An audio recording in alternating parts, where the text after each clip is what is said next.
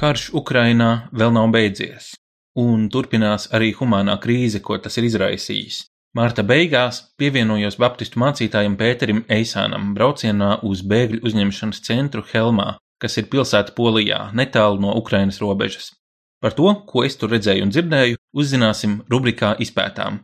Es esmu Augusts Kolums, un šis ir Savienots. Esi savienots ar mums, Radio Marija raidījumā Savienots. Raidījums sadarbībā ar Kristīgo portālu Tuvumā.CLV. Uzklausām, vērtējam, izpētām un iesakām. Trešdienās, pulksten piecos pēcpusdienā. Esi savienots!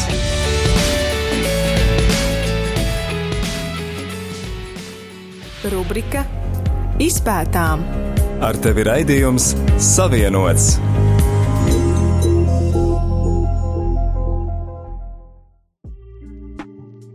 Baptistu baznīcā Helmā, Polijā, ierodamies rīta stundās. Baznīcā iekārtotais bēgļu uzņemšanas centrs ir tukšāks nekā tas bija vēl pirms dažām nedēļām. Bēgļu plūsma ir mazinājusies, taču palīdzība ar vienu ir ļoti nepieciešama. Ar baznīcas telpām mūs iepazīstina Arta, brīvprātīgā no Latvijas. Šī ir ļoti svarīga vieta. Šeit ir reģistrācija. Šobrīd šeit ir viss tukšs, bet vispār, tā, kad cilvēki šeit iebrauc, tur ir uh, sievietes, kā cilvēki, kas viņas apkalpo, pieregistrē un, un, un arī pastāst kādu pamatu informāciju. Šeit mēdz būt diezgan pilns. Šī ir viena no istabām, kurā cilvēki palika naktī, un te ir bērnu istaba, bērni spēlējās un, un uh, ar mamām, pārsvarēja mammas un bērni. Un šī, cik es saprotu, kā mēs ir uh, galvenā ēka, kur notiek dievkalpojums.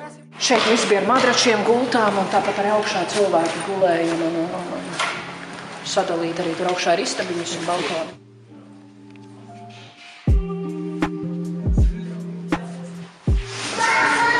Šeit ir arī istabiņas koridorā, un te lejā ir ēdams zāle.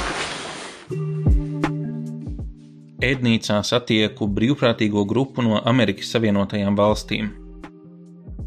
Uz sarunu aicināju Reičelu Džonsu, kura ir bērnu mācītāja Baptistu baznīcā Teksasā.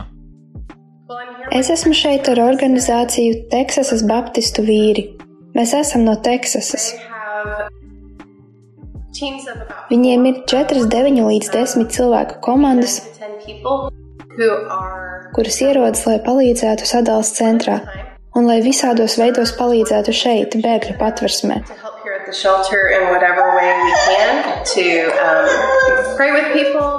Lai lūgtu kopā ar cilvēkiem, lai iedrošinātu, un pats galvenais - aizvestu viņu stāstus atpakaļ uz Savienotajām valstīm, lai cilvēki tos uzzinātu un cerams ziedotu. Teksasas Baptistu vīri palīdz savākt naudu Polijas Baptistu Savienībai nepieciešamo lietu iegādēji šejienei un Ukrainai. Jautāju Reičelai, vai viņa bieži piedalās šādos braucienos. Not me. Es nē. Teksasas Baptistu vīri ir bijuši dažādās vietās pasaulē. Viņi to sauc par katastrofu seku novēršanas komandu, un viņi dodas uz daudzām vietām, visur, kur ir kāda katastrofa, visur, kur vajadzīga palīdzīga roka. Bet es nekad neesmu bijusi šādā braucienā. Reičela stāsta, ka šo aicinājumu viņa saņēmusi tieši no dieva.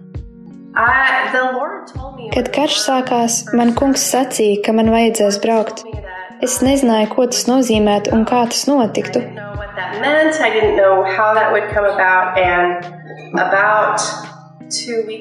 Pirms kādām divām nedēļām sāku sazināties ar dažādām organizācijām, tostarp ar Teksasas Baptistu vīriem, un viņi sacīja, jā, mēs brauksim, bet mēs izbraucam pēc četrām dienām. Vai es varēšu pievienoties? Es teicu, jā. Ātri sakrāmēju koferus, zināju, ka kungs grib, ka es šeit esmu. Jautāju, vai tas, ko viņa šeit ir redzējusi, atbilda Reičelas priekšstatiem, vai arī kaut kas viņu šeit ir pārsteidzis. Šī baznīca mani pārsteidza. Biju gaidījusi, ka tā būs daudz mazāka. Nezināju, cik daudz bēgļu viņa šeit uzņems. hundreds, Viņi uzņem simtiem tūkstošiem, kopš viņi ir sākuši. Helmas cilvēki ir brīvprātīgi iesaistījušies. just volunteering. I've been working so hard, and um, I'm not sure what I expected. Nezinu, ko es sagaidīju, bet viss paliek tīrs. Ēdiens nepārstāja pienākt. Kad ierodas cilvēki, viņi ir noguruši un izsalkuši, un viņi saņem siltu ēdienu un siltu gultu. Un tad viņus mēģina iespējami ātri dabūt uz vietu, kur viņiem būtu paliekošāka māja. Šīs baznīcas cilvēki uz mani ir atstājuši lielu iespaidu. Lūdzu, lai Reičela pastāsta, kādi cilvēki ir ukraiņu bēgļi, kurus viņa ir iepazinusi. grateful people. Pateicīgi cilvēki. Viņi kalpo, viņi ņem no mums slotas, lai arī viņiem to neprasa. Viņi saka, paldies, paldies, un es saku, es neko, es vispār neesmu no šejienes. And I'm like, it's not even me. I'm not from here. But um, they're so grateful to be. Viņi ir tik pateicīgi, ka viņi var būt drošā vietā, bet var redzēt, ka viņi ir bēdīgi, ka viņi ir prom no mājām. Viņi grib doties atpakaļ, bet pašlaik to nevar. Bet viņi ir ļoti uzcītīgi cilvēki, ļoti laipni. Very, um, very gracious. Humānā krīze ir atbalsojusies visā pasaulē. Jautāju Reičelai, kāds ir noskaņojums Amerikā. I think probably the first thing is that Americans are just heartbroken for a people who Vispirms, amerikāņiem lauž sirdi, ka šī tauta jūtas tā, ka viņi zaudē savas mājas. Viņu dzīves ir apgrieztas kājām gaisā, un tāpat nav viņu vaina. Tas lauž sirdi Amerikas cilvēkiem. Otra lieta ir, ka viņi ir ļoti noraizējušies par to, ka Krievija virzās uz rietumiem. Mums vēl ir dzīvi cilvēki, arī manā baznīcā, kuri atceras Otro pasaules karu, un viņi negrib pieļaut, ka kādi pārkāptu robežas un ieietu citu teritorijā. How should I say it? That making sure people aren't overstepping into somebody else's territory and they remember that day when Viņi atceras dienu, kad beidzot bija uzvara un cilvēkiem varēja būt miers. and America's help in that was they were very proud to be able to help Viņi lepojas ar to, ka Amerika varēja palīdzēt. unwinding just a little bit. There's concern there. There's a desire to help. Tas, kas tagad notiek, viņiem par to atgādina, un viņi grib palīdzēt. Viņi zina, ka ir procedūra, kā palīdzēt militāri, un vairums vēlētos, ka valsts nāktu ar savu palīdzību. Mēs vienmēr nesaprotam, kāpēc, bet es teiktu, 99% cilvēku grib palīdzēt. Kad es braucu uz šejienu, man cilvēki piedāvāja naudu, un es teicu, nē, man nevajag naudu, bet viņi grib palīdzēt. Tas viņiem lauž sirdi. They just want to help. They just are so heartbroken. Saku Reičelai, ka šī ir viņas iespēja uzrunāt cilvēkus Latvijā. I am so proud. Es ļoti lepojos ar Austrum Eiropas cilvēkiem. I have met so many people. Esmu satikusi tik daudz cilvēkus no Latvijas, no Baltkrievijas. I'm going to get all of these places wrong, but um, from places that no vietām, par kurām pat nebiju dzirdējusi. um. Es zinu, ka draudzības pāri robežām droši vien ir sarežģītas, bet tagad liekas, ka tas viss ir izzudis. Cilvēki, kuri nāk uz šo baznīcu palīdzēt, like we we ir tā, it kā mēs būtu vienmēr bijuši draugi, tikai mēs to nezinājām. Uzreiz varam strādāt kopā un būt laimīgi un priecīgi to darot. Um, uh. Ir šī vienotības apziņa. Zinu, ka pienāks laiks, kad man būs jādodas atpakaļ, un es esmu pārliecināta, ka Austrum Eiropas tautas palīdzēs šiem cilvēkiem. Varbūt ne caur valsts iestādēm, bet cilvēki to darīs, un es ar viņiem ļoti lepojos. will do that, and I am so proud of them. Reičela stāsta, ka daudzi amerikāņi pat nezina, kā ir izmainījusies šī Eiropas daļa. Polija viņiem saistās ar Otro pasaules karu un melnbaltajiem video ar pilsētām kara laikā. Cilvēkiem, kas cieš badu un tā tālāk. Bet, kad mēs šeit ieradāmies, te ir tik moderni, te ir tik skaisti, un es nezinu, vai tas ir tas, ko mēs sagaidījām, vai ko sagaida tie, kas mani gaida mājās. Es gribu parādīt, ka ir iemesls, kāpēc visi tā lepojas ar savām mājām. Viņi ir daudz paveikuši kopš briesmīgā pasaules kara, kas bija pirms gandrīz simt gadiem, bet Amerikas prātā tā bija pēdējā reize, kad viņi zināja, kas šeit notiek. Tā bija tā domāšana, ka Padomju Savienība turēja visus nabadzībā, un es esmu droša, ka tā droši vien arī bija. Bet tagad, kad Padomju Savienība krita, paskat, cik ātri viss Kā jau teicu, es tiešām lepojos ar Austrum Eiropas cilvēkiem. Es saprotu, kāpēc Ukraina stāv stipri. Es saprotu, kāpēc Latvija, Polija un visi šie cilvēki nāk kopā, lai palīdzētu, jo jūs esat piedzīvojuši tik daudz un tikai viena mūža laikā. Te šodien ir cilvēki, kuri atceras Otro pasaules karu un to, ko mēs saucām par komunisma dzels priekškaru, un tad brīvību. Cilvēki Amerikā ir ļoti noraizējušies par komunismu. Viņi uzskata, ka jo tālāk tas izplatās, jo bīstamāks tas ir. Es neesmu dzīvojusi zem komunisma, tāpēc es nezinu, cik no tā ir patiesība, bet es zinu, ka tas ir tas, par ko raizējas amerikāņi. Es gaidu, kad varēšu sūtīt atpakaļ uz Ameriku Ukrainas bēgļu stāstus un brīnišķīgo Eiropas cilvēku, kuri ir bijuši gatavi palīdzēt stāstus. Es domāju, ka mēs visi no šī iznāksim ārā kā brāļi un māsas, un tā būs labāka pasaule. Tāda ir mana lūkšana. Es nezinu, vai es šeit vēl atgriezīšos, bet šie cilvēki paliks manā sirdī, un es došos mājās izmainīta. Reičela man norāda uz bērnu zīmējumiem, kurus redzam pie sienām. Bērni izstāsta mums savus stāstus, ja vien mēs skatāmies. Ir daudz attēlu, uz kuriem ir grūti skatīties.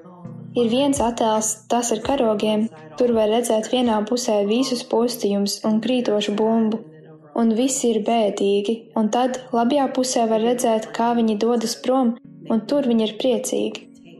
Bērniem iedeva mālu, no kā kaut ko taisīt, un viens no bērniem uztaisīja tanku. Viņi ir redzējuši lietas, ko vairums bērnu nav redzējuši. Tad viņi ienāk šeit, un viņi smejas un rotaļājas, un viņi uzreiz kļūst draugi. Šī ir gluži priecīga telpa, un es priecājos, ka baznīca iedomājās tādu iekārtot. Es noteikti aicinu apskatīt bērnu zīmējumus. Dzīve nav apstājusies. Reičela stāsta par kādu ukrāņu pāri, kas salauzājies tepat šajā baznīcā, kurā šobrīd iekārtots bēgļu uzņemšanas centrs. There was a wedding here Sunday. I do have some pictures of that. Svētdien šeit notika laulības. Man ir dažas fotogrāfijas. Parasti svētnīca ir pilna ar gultām, kādām simt gultām, un soli ir sakrauta viens uz otru. Cilvēki manā valstī teiktu, ak, vai jūsu svētnīca, bet tā bija labākā vieta, kur visus satilpināt. Svētdien te bija viens ukrāņu pāris, pavisam jauni cilvēki. Viņi bija domājuši salauzties Ukrajinā. Tad sākās karš, un tas vairs nebija iespējams, un viņi atbrauca uz šejieni. Nākamajā dienā viņiem bija jābrauc uz Zviedriju. Viņi sacīja, ka viņiem ir jābūt precētiem, lai viņi varētu ceļot kopā, un viņi tāpat to bija gribējuši, bet viņu vecāki nebija šeit. Mācītājs teica, lai viņi zvana vecākiem un saņem atļauju, un apmēram stundas laikā viņai dabūja kleitu un puķus un uzvalku viņam. Kādi ukraiņu jaunieši viņiem dziedāja ukraiņu dziesmas.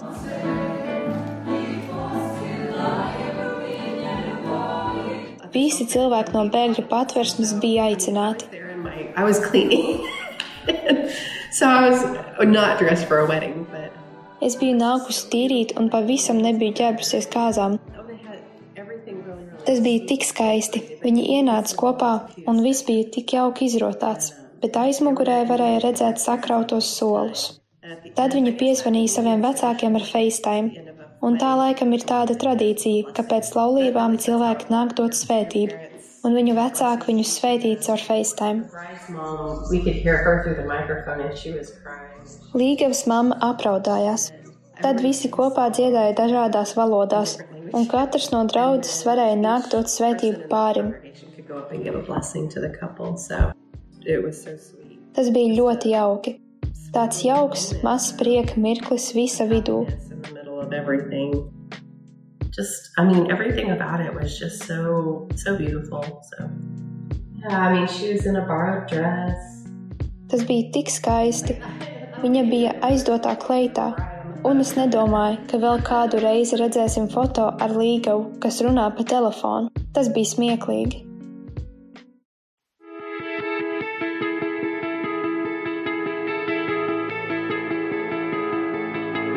Ти дав мені життя, проливши свою кров, я в темряві блукав, а ти мене знайшов, бо ти один мій цар, і ти один лиш вірний Бог.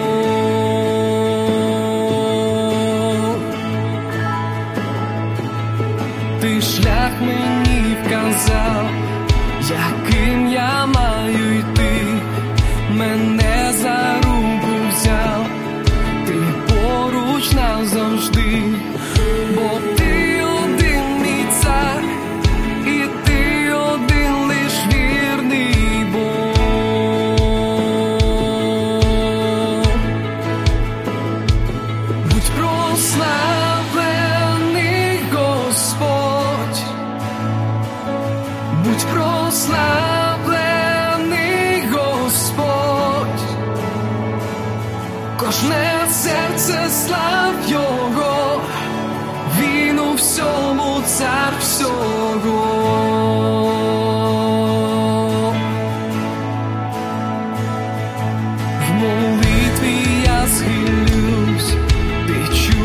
such walls.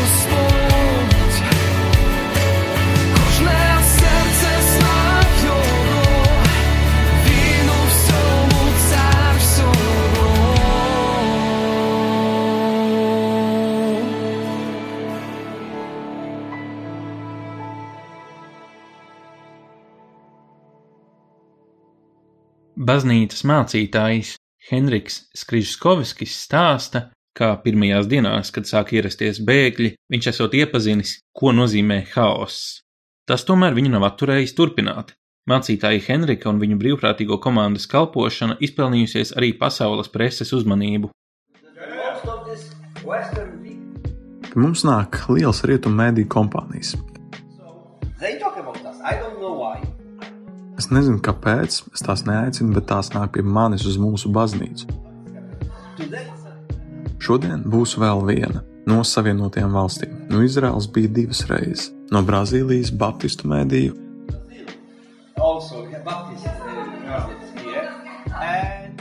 un no Portugāles un no Spānijas arī no Basku nācijas. Here. So, uh, so this information about the ministry. But what I want to say, Katrā intervijā es saku, vislabāko darbu izdara latviešu puiši. Jā, jo jūs esat ļoti regulāri. You know. Un jūs vedat kādas lietas, kādu humāno palīdzību. Mācītājs Pēteris Eisāns pārstāv biedrību Baltijas globālā iniciatīva. Viņš ierosina aizbraukt uz vietējo vairumtirdzniecību un iegādāties pārtiku par 5000 eiro. Mācītājs Henriks stāsta, ka tieši pārtika šobrīd ir lielākā nepieciešamība. Noliktava tā piedzima kā šo bēgļu mazulis. Cilvēki no pilsētas atveda kādas drēbes, un mašīnas turpināja braukt arī no Latvijas. Ko lai ar to visu izdara? Sāku meklēt noliktavu. Nu, īrējām lielu noliktavu. Tagad vairs nezinu, cik tieši, bet vismaz desmit lielas smagās mašīnas ar apģērbu esam aizveduši uz Ukrajinu.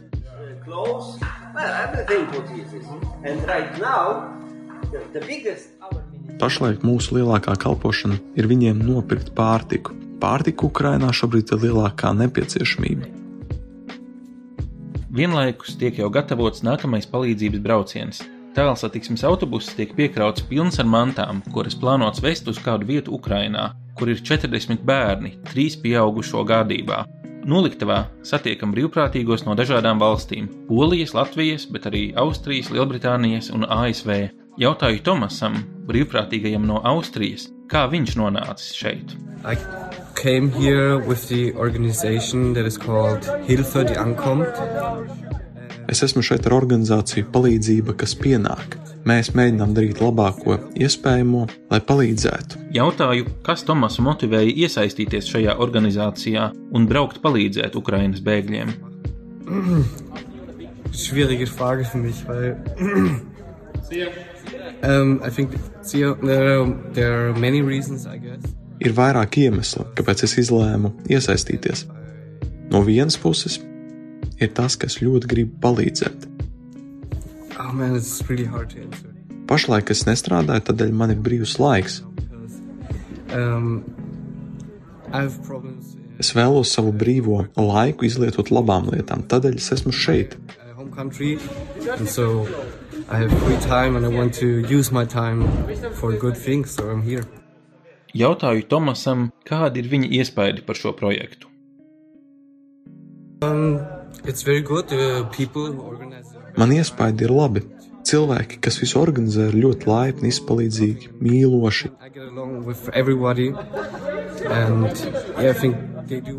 Un es ar visiem labi saprotos. Viņi dara tiešām labu darbu. Yeah, I have everything I need. Everyone is friendly. Man ir viss nepieciešamais, un visi ir draudzīgi. Es ceru, ka mēs palīdzēsim cilvēkiem Ukrajinā tikt cauri šim grūtiem laikam.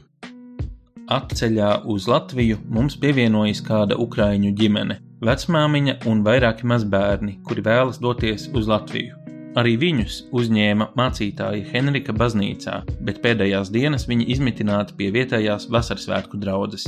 Šī ir mana pirmā tikšanās ar cilvēkiem, kuri redzējuši kara darbību Ukrainā savām acīm. Jautāju vecākajai meitai Iraisai Kevičai, kā viņa piedzīvoja kara sākumu. I think that um, you can describe exactly how you're feeling when uh, Es domāju, ka īsti nevar aprakstīt tās sajūtas, kādas ir, kad sākas karš, jo tu nekad neesi piedzīvojis kaut ko tādu. Tu esi kā paralizēts, un pirmajā dienā es varēju tikai sekot līdzi ziņām, raudāt un gulēt gultā. Arī tad, kad bija gaisa trauksme vai kas tam līdzīgs, es nevarēju neko darīt. Es biju šokēta un tikai cerēju, ka tas drīz beigsies, un es nezināju, cik ļoti ilgi tas var būt. I didn't know how long it can be. Jautāju, kā bija pieņemt lēmumu atstāt savu valsti un doties bēgļu gaitās. It was hard decision because all my life I'm 19 years Tā bija grūta izvēle, jo visu savu dzīvi, man ir 19 gadi, esmu dzīvojis vienā pilsētā, vienā valstī, vienā dzīvoklī kopā ar savu ģimeni. Es nevarēju iedomāties, ka viena mēneša laikā man bija jāpieņem lēmums atstāt visu savu dzīvi un doties kaut kur tālu prom kopā ar saviem brāļiem, ar māsām, ar vecmāmiņu. and. And um, why I decided because Es sapratu, ka es varu kalpot cilvēkiem, bēgļiem Ļuvivā, Ukrainā, bet arī manai ģimenei mani vajag. still my family also need me and if I can serve my family Ja es nevaru palīdzēt savai ģimenei, tad kā gan es varētu kalpot cilvēkiem tālumā? Dievs man teica, ka man ir izvēle, un ka Viņš mani netiesās par to, vai es izvēlēšos aiziet vai palikt. But still, it was a big mercy to realize that uh, in Latvia, Tā bija liela žēlstība, ka Latvijā bija ticīgi cilvēki, kuri vēlējās palīdzēt man un manai ģimenei.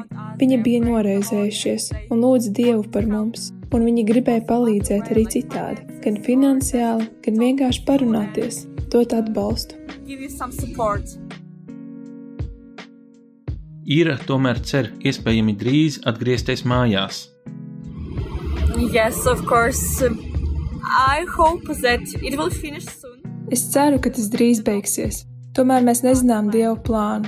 I, I'm thinking about if it will finish in maybe Un es domāju, ja tas beigsies pēc pieciem mēnešiem, vai pēc viena gada, vai vēl pēc tam, ko es darīšu. Um, Tas ir atkarīgs no situācijas, un informācija par to, kā var karš attīstīties, ir atšķirīga. uh, uh, I know that um, another part of my family will waiting on us. Daļa manas ģimenes ir Ukrainā, un man tur ir daudz draugu, mana baznīca, visa mana dzīve ir tur. All my lives there still, Arī tad, ja mans ķermenis ir Latvijā. Tāpēc es ceru, ka mēs drīz atgriezīsimies un palīdzēsim savai valstī no jauna uzcelt to, ko Krievija nopostīja. Jautāju Irai, kā pēdējā mēneša notikumi ir viņu izmainījuši kā cilvēku. Um, these events show me how weak I am, Šie notikumi man parāda, cik vāja es esmu, it īpaši to, cik vāja es esmu bez dieva.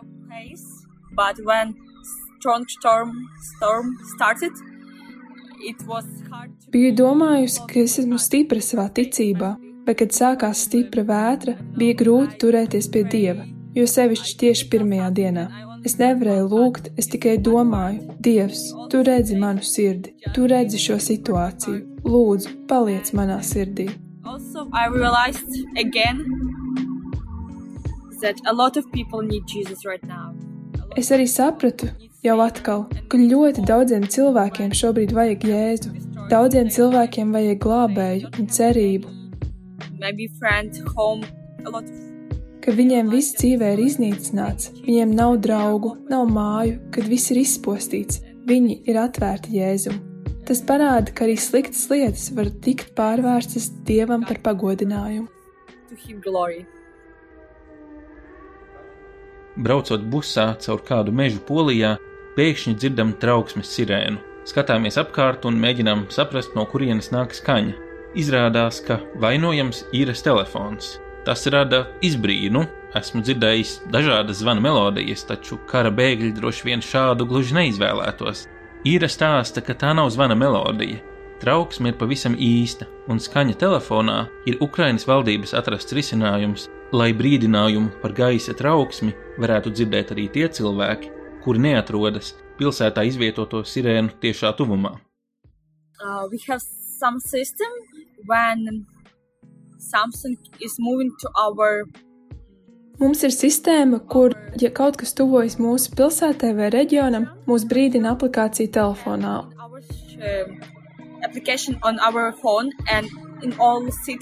sounds like Un uh, visā pilsētā skan, tas izklausās kā ū, bet simtkārt biedējošāk. Ja tu dzirdi šo skaņu, tas nozīmē, ka ir gaisa trauksme. Tas nozīmē, ka tu iespējams atrodies bīstamā vietā, un jebkurā brīdī var krist bumbas vai raķetes kaut kur tuvumā vai tavā pilsētā. close to you or in your city. That's why it's like um, alarm to all people in the city. Tas ir brīdinājums, ka cilvēkiem pilsētā vajag doties uz bumbu patvērtni. Manam brālim un māsām ir liels stress no dzīvošanas tieši blakus sirēnai.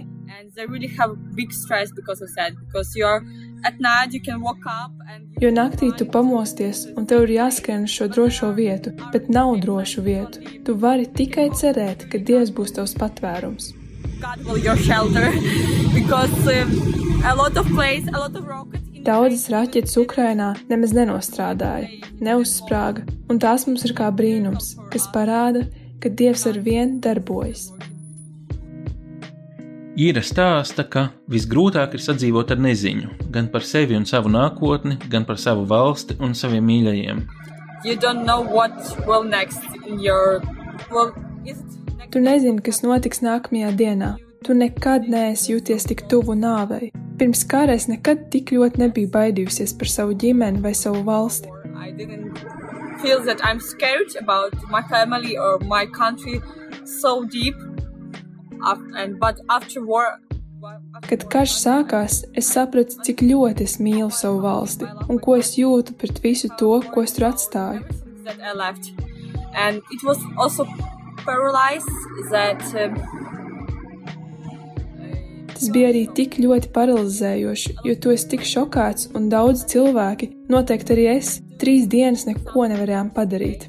in general, I think for a lot of people it was three days of shock when you're just sitting, you're crying, you're reading your news, and you're texting. Tās bija trīs šoka dienas, kad tu tikai sēdi, tu raudi un tu lasi ziņas, un tu sūti īsiņas saviem draugiem citās pilsētās, bīstamākās pilsētās nekā tava. Un tu tikai raksti, kā tev iet, lūdzu, saki, ka esi drošībā. Tas ir viss. Man vajag tikai vienu vai divus vārdus, lai zinu, ka tev viss kārtībā, ka tu esi dzīves. Jautājums, kā tev iet, Ukrainā ir dziļi mīlestības vārdi. Tev nav jāsaka, cik ļoti tu mīli šo cilvēku. Tu tikai viņam pajautā, kā tev iet? Īres ģimene nav ticīga. Šo grūto laiku ir redz kā iespēju liecināt par Dievu saviem mīļajiem. Uh, yes, I'm uh, from non-believers uh, family, but Es esmu no neticīgas ģimenes, un šī man ir iespēja atstāt nozīmīgu iespēju uz manu brāli un māsām. Viņi ir jaunāki par mani. Es eju uz baznīcu Ļuvivā, un mana ģimene nenāk man līdzi.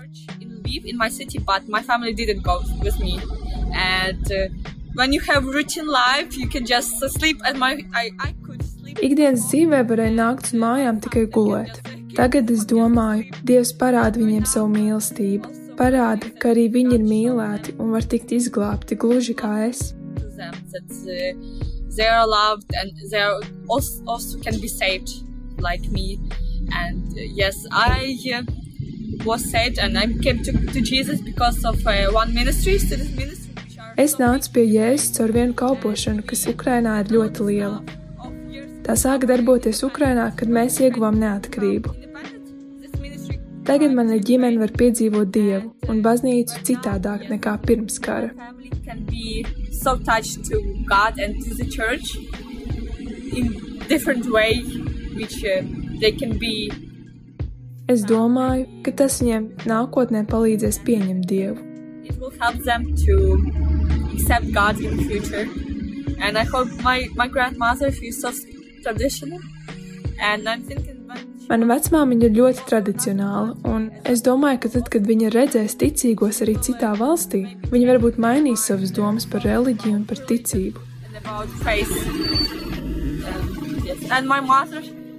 Mana mamma un mans patēvs, viņi vēl ir Ukrainā. But I know that they're worried about us so much. Un es zinu, ka viņi par mums ir ļoti norūpējušies. Es atstāju mājās savu bībeli, un vēl vienu es iedevu savai labākajai draudzenei. Viņa ir ateiste, un viņa arī palika Ukrainā. Es ticu, ka Dieva vārds darbojas, un ka arī viņu dzīves var tikt mainītas. Ira sacīja, ka šis laiks viņai liek justies vājai. To var saprast. Pēdējo mēnešu notikumi ikvienam no mums atgādina, ka šajā pasaulē notiek procesi, kuru priekšā mēs esam bezspēcīgi. Bēgļu ģimene izmitinās kādā no Rīgas Baptistu baznīcām. Kad vēlā naktī, stāvot pie baznīcas durvīm, atvedāmies, saku Irai, tu neesi vāja. Un tā ir taisnība. Uzņemties atbildību par šiem četriem jaunākiem brāļiem un māsām un gādāt par viņiem svešā vietā, tas prasa stiprumu, kādu mums nevajadzētu sagaidīt no 19-gadīgas meitenes. Tomēr, kamēr dzīvojam kritušā pasaulē, dažkārt arī vājākajiem no mums nākas kļūt par stiprākajiem.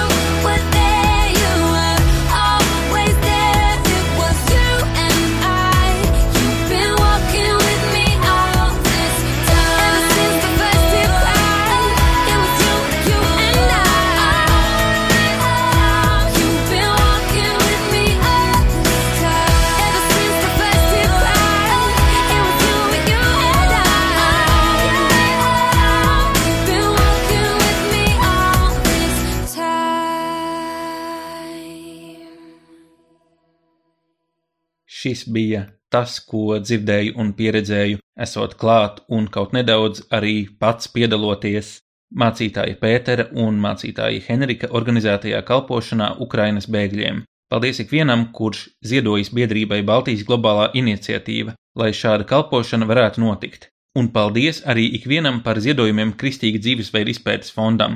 Tikai mūsu klausītāju un lasītāju ziedojumi ļauj finansēt arī tādu kalpošanu, kā šī nelielā reportāža no pilsētas pie Polijas un Ukrainas robežas.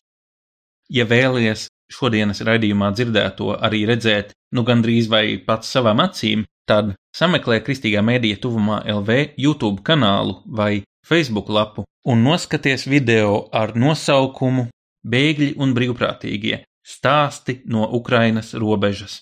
Īpašu paldies vēlos sacīt Matildei Dimitrijevai, Elizabetei Pļaviņai un Dāvidam Krūzem, kuri aizdeva savu balsi, lai mēs varētu dzirdēt Reičelas, Henrika, Tomasa un Iras stāstīto latviešu valodā.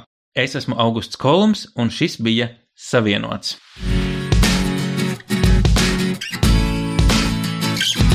Tu klausījies raidījumu Savienots. Būsim atkal ēterā trešdien, pulksten piecos pēcpusdienā. Klausies mūsu radio Marija un lasi kristīgo portālu tuvumā.lv. Esi savienots!